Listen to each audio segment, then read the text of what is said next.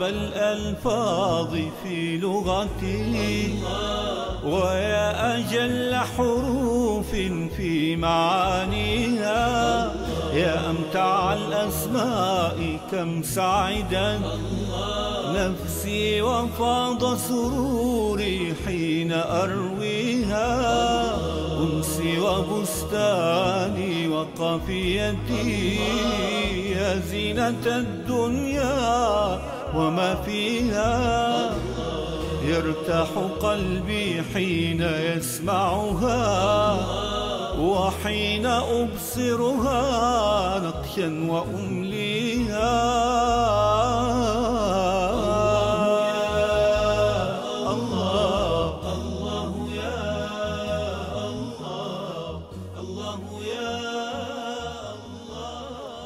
كان في مكة عبدا يشترى. يهان ويضرب ويجلد ويسحب على أرض حارة والصخرة على صدره وهو يقول أحد أحد أذلوه حاربوه عادوه. فجاء في فتح مكة ورق الكعبة ليؤذن عليها وهو عزيز. وسادات قريش أذلة من أعزه ومن أذلهم. إنه الله جل وعلا المعز المذل. وتعز من تشاء وتذل من تشاء. كم من ضعيف أعزه الله فصار قويا. كم من مستعبد أعزه الله فصار حرا. كم من رجل يذله الناس لكن الله عز وجل أعزه. هذا ربعي بن عامر يقف أمام رستم فيستهين به. من أنت؟ من أنتم أصلا؟ كنتم أنتم رعاة غنم أنتم حفاء العراة تأتون إلى بلاد فارس؟ وما هي إلا أيام. وإذا برستم يخرج ذليلا مهانا. وربعي وأصحابه أعزة في أرض فارس. وتعز من تشاء وتذل من تشاء بيدك الخير. إنك على كل شيء قدير. من يريد العزة فليطلبها من المعز جل جلاله. من كان يريد العزة فلله العزة جميعا. ليست بالجاه ولا بالسلطان ولا بالمال ولا بمعرفة فلان أو فلان. لا والله المعز يعز من يشاء ويذل من يشاء. صحابي اسمه عبد الله بن مسعود كان ضعيف البنية ضعيف الجسد حتى ساقه كانت دقيقة ضعيفة. جهر بالقرآن أمام أهل قريش سورة الرحمن قرأ فضربوه ضربا مبرحا. كادوا أن يقتلوه لكن الله نجاه. تمر الأيام والسنون. فإذا بعبد الله بن مسعود هذا الضعيف المسكين يجلس على صدر أبي جهل قبل هلاكه ويحز رأسه. من الذي أعزه؟ الله. كم من إنسان ذليل في الأرض أعزه الله بهذا الدين. نحن قوم أعزنا الله بالإسلام. ليبلغن هذا الأمر دين الله؟ سينتشر. رضوا أو ما رضوا. ليبلغن هذا الأمر ما بلغ الليل والنهار. حتى لا يدع الله بيت مدر ولا وبر إلا أدخله الله هذا الدين بعز عزيز أو بذل ذليل. المعز جل في علاه يعز من يشاء ويذل من يشاء. الله يا الله الله يا الله الله يا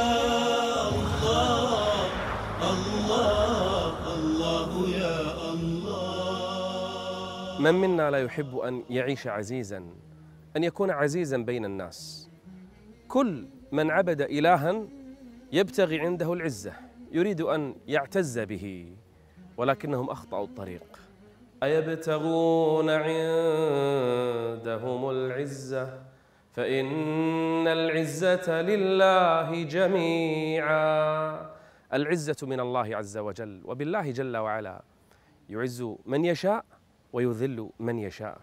هو المعز سبحانه وتعالى. انظروا لي الأوائل كيف أعزهم الله عز وجل بالدين. بالإسلام عندما تعلقت قلوبهم بالله أعزهم الله جل وعلا. العز بن عبد السلام يسمى سلطان العلماء. عندما أغضب السلطان في زمانه بكلمة الحق قيل له هذا الرجل سيقتلك سيسجنك اذهب إليه وقبل يده ويعفو عنك. فضحك. قال ماذا تقولون؟ أنا لا أرضى أن يقبل يدي. أنا آنف. وأترفع أن هذه الناس تقبل يدي. فضلا عن أن أقبل يدها. نحن في واد وأنتم في واد آخر. من كان يريد العزة فلله العزة جميعا. المعتصم هذا القائد الفذ جاءه كتاب من ملك الروم.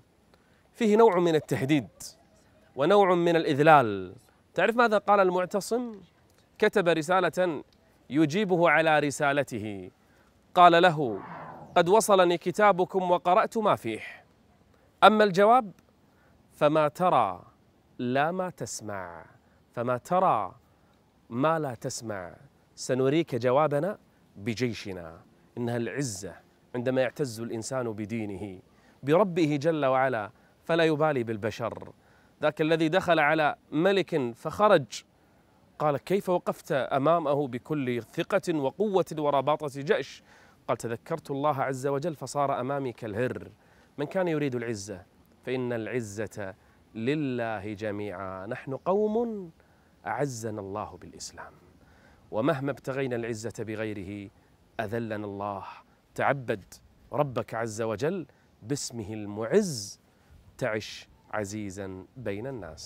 الله يا الله الله يا الله الله يا الله الله يا الله قارون هذا الرجل الذي امتلك من المال ما امتلك كان يمشي بين الناس مفتخرا. كان الناس يتمنون أن يكونوا مثله أو يحصلوا على شيء من ملكه. كان يفتخر على خلق الله عز وجل وكان يقول إنما أوتيته على علم عندي. أي فخر كان فيه قارون وأي خيلاء كان يمشي فيه قارون. لكن فجأة أذله الله جل وعلا وخسف الأرض به ولم ينصره أحد من أعوانه. مات وخسف به ذليلا بين البشر. فالله عز وجل يعز من يشاء ويذل من يشاء. هو المذل. إن شاء أذل من أراد سبحانه وتعالى. هذا فرعون الذي خاف الناس منه الذي قتل الأطفال. الأطفال ما ذنبهم؟ كان يقتلهم وكان يستحيي النساء وكان يذل ويستعبد بني إسرائيل. وكان يقول للناس أنا ربكم الأعلى. وأخبرهم أن الأنهار تجري من تحته وبأمره لكن الله عز وجل أذله فأجرى الماء من فوقه. وكان جبريل لحظة هلاكه يضع الطين في فمه فأي ذل أذل الله عز وجل به فرعون. تعز من تشاء وتذل من تشاء.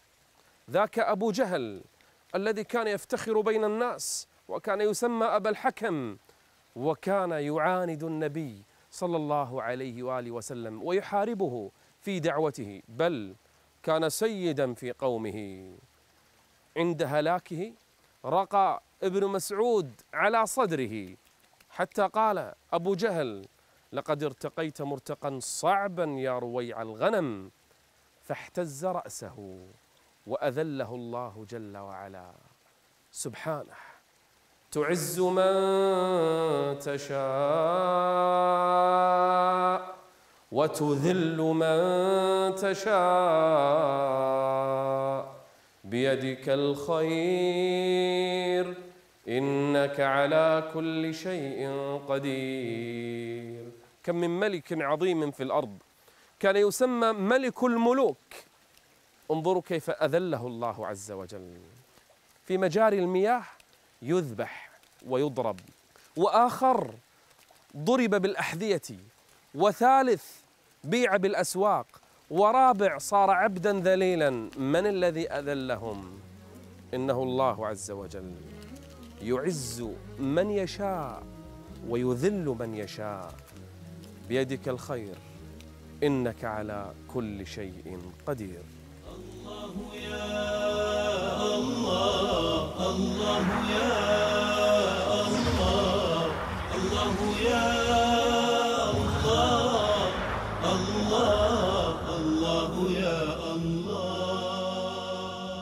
جاءت امرأة اسمها خولة بنت ثعلبة إلى النبي صلى الله عليه وآله وسلم في بيت عائشة تشتكي إليه من زوجها وبينها وبين عائشة عائشة في نفس الغرفة لكن بينها وبين عائشة ستار فقط قماش.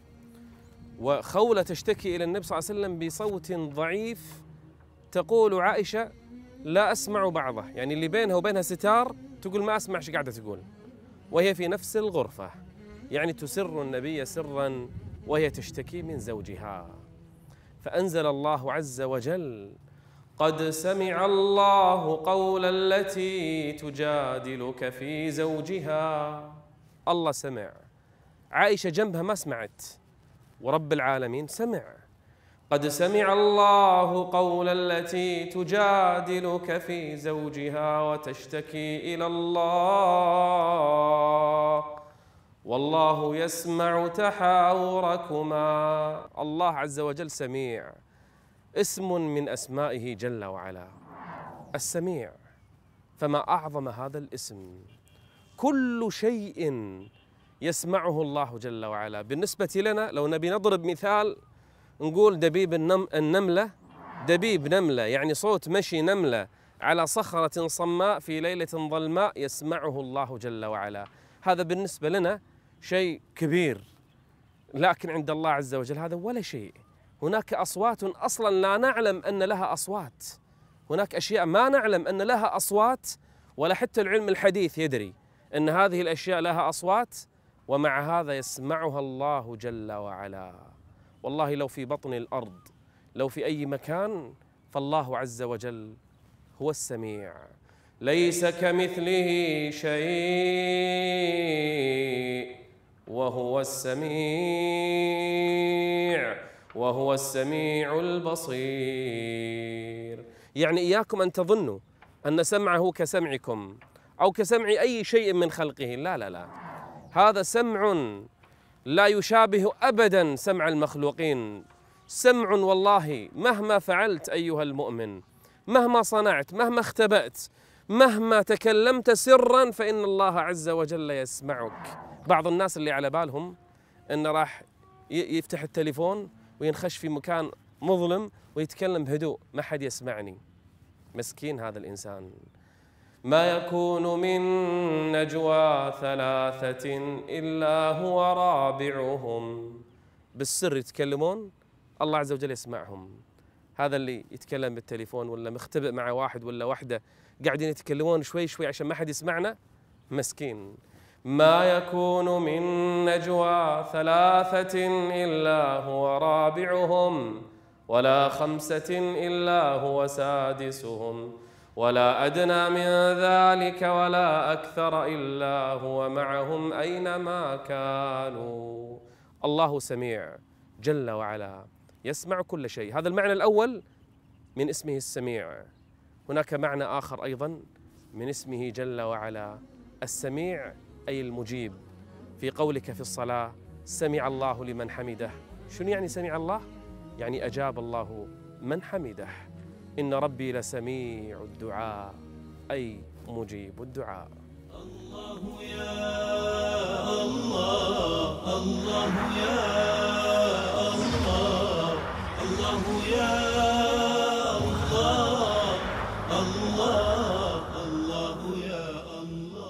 سبحانك يا سميع. أنت تسمع نجوى الاثنين قبل ثالثهما. تسمع دبيب النملة في سيرها. تسمع قول السر والعلن. تسمع ما يدور في نفسي قبل أن أتحدث به. تسمع دعوات عبادك عند الاضطرار. وتكشف محنتهم عند الافتقار. وتغفر زلاتهم عند الاستغفار. وتقبل معذرتهم عند الاعتذار. تسمع نبض الجنين في بطن أمه وهو يسكنها. وسمعت قول خولة وهي تجادل في زوجها. وسمعت الثلاثة الذين دخلوا الغار. وسمعت إبراهيم فأنجيته من النار. أحاط سمعك كل الموجودات وتعلم القول في الأرض والسماوات. أنت السميع العليم. تسمع كل شيء فأنت القريب. تسمع كل دعاء فأنت المجيب. كم يحمل هذا الاسم من الحنان والأمن والأمان؟ كلما أصابني الهم والغم أدرك إن معي ربي يسمع ويرى. فتتلاشى عني كل الهموم والأحزان. أناديه وأناجيه وأفوضه بكل أمري. يا سميع أصلح أموري ولا تكلني إلى نفسي طرفة عين. من أدرك أن الله سميع لا ينطق إلا بما يرضي السميع ولا يتلفظ إلا بذكر السميع. سبحانه من سميع لا يشغله سمع عن سمع. يسمع السر والنجوى وسع سمعه الأصوات فلا تختلف عليه اللغات ولا تشتبه عليه اللهجات. سبحانك يا سميع سبحانك يا سميع. الله يا الله الله يا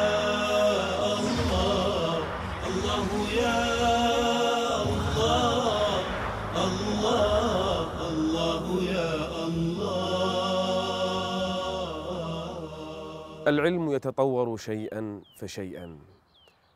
هذه الحشرات الصغيرة التي بالكاد ترى أشكالها وأجسامها العلماء أبصروا أجزاءها بل أبصروا الخلية التي منها يتكون هذا الكائن الحي. رأوها بمجاهر دقيقة بل أبصروا الوحدة الأولى وهي الذرة وهي كانوا يظنونها أصغر ما سوف يرون ويبصرون. لكنهم أبصروا أجزاء الذرة الإلكترون البروتون نيوترون. هذا الجزء الصغير وهو أصغرها الإلكترون أبصروه. اليوم يقولون هناك أجزاء أصغر من الإلكترون نفسه. وجدوا بعضها في الفضاء. ليس نيوترون نيوترين. أصغر بكثير من الإلكترون.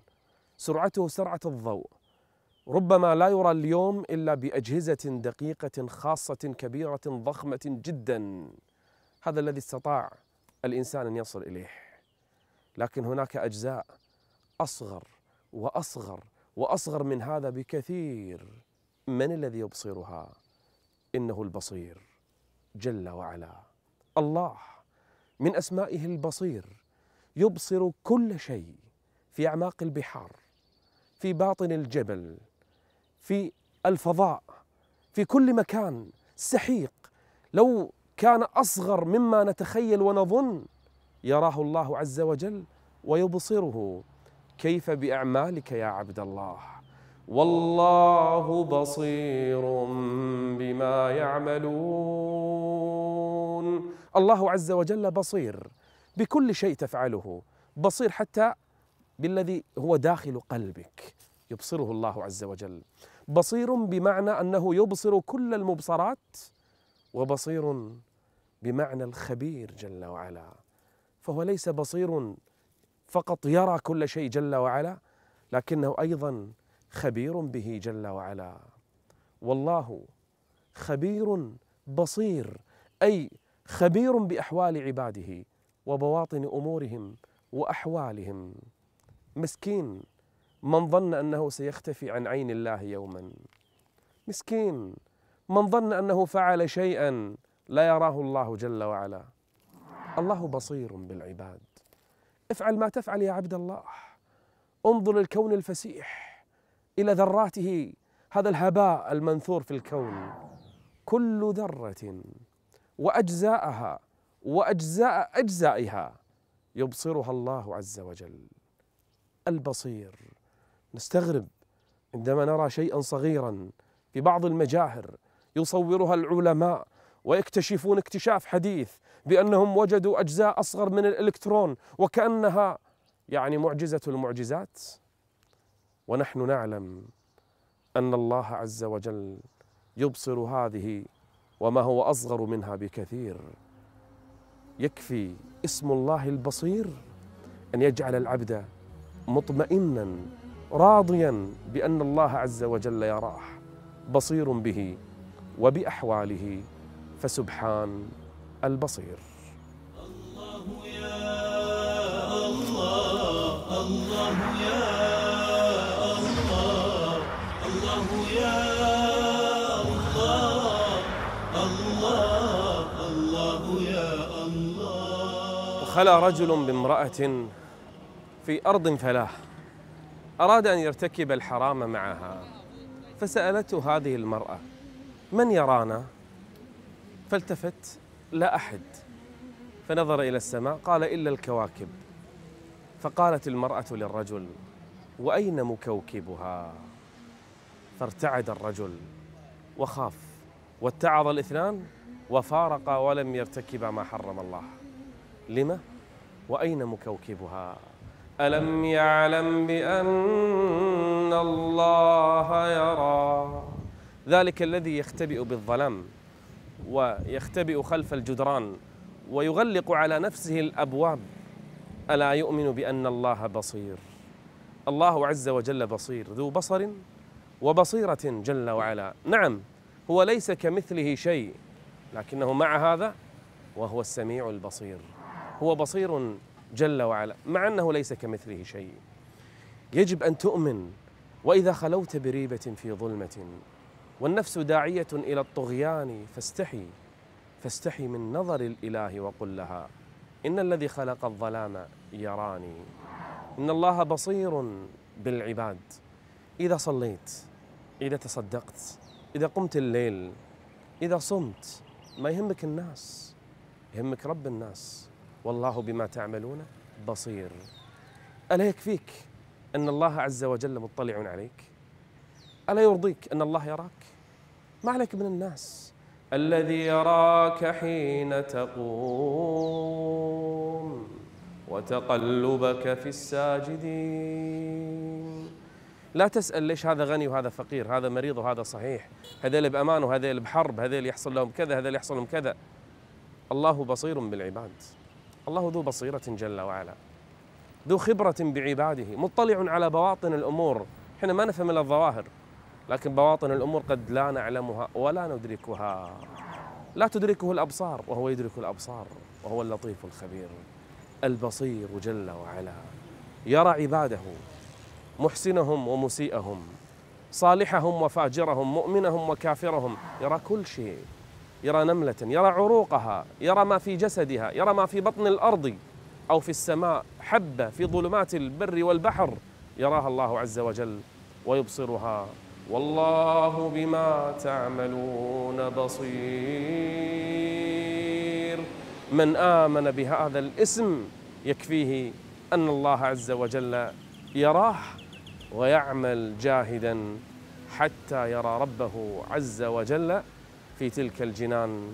اعبد الله كأنك تراه فإن لم تكن تراه فإنه يراك. روحي طموحي راحتي سكني لا أجتني الأنس إلا من مغانيها. أجمل ما نتلوه أحسن ما يروي ضمائرنا طهرا ويسقيها. يا سلوة للقلب يا أملا. يرى المحب أفانينا المنى فيها إن جاءت الدنيا بضائقة فالجأ إليها ففيها ما يجليها.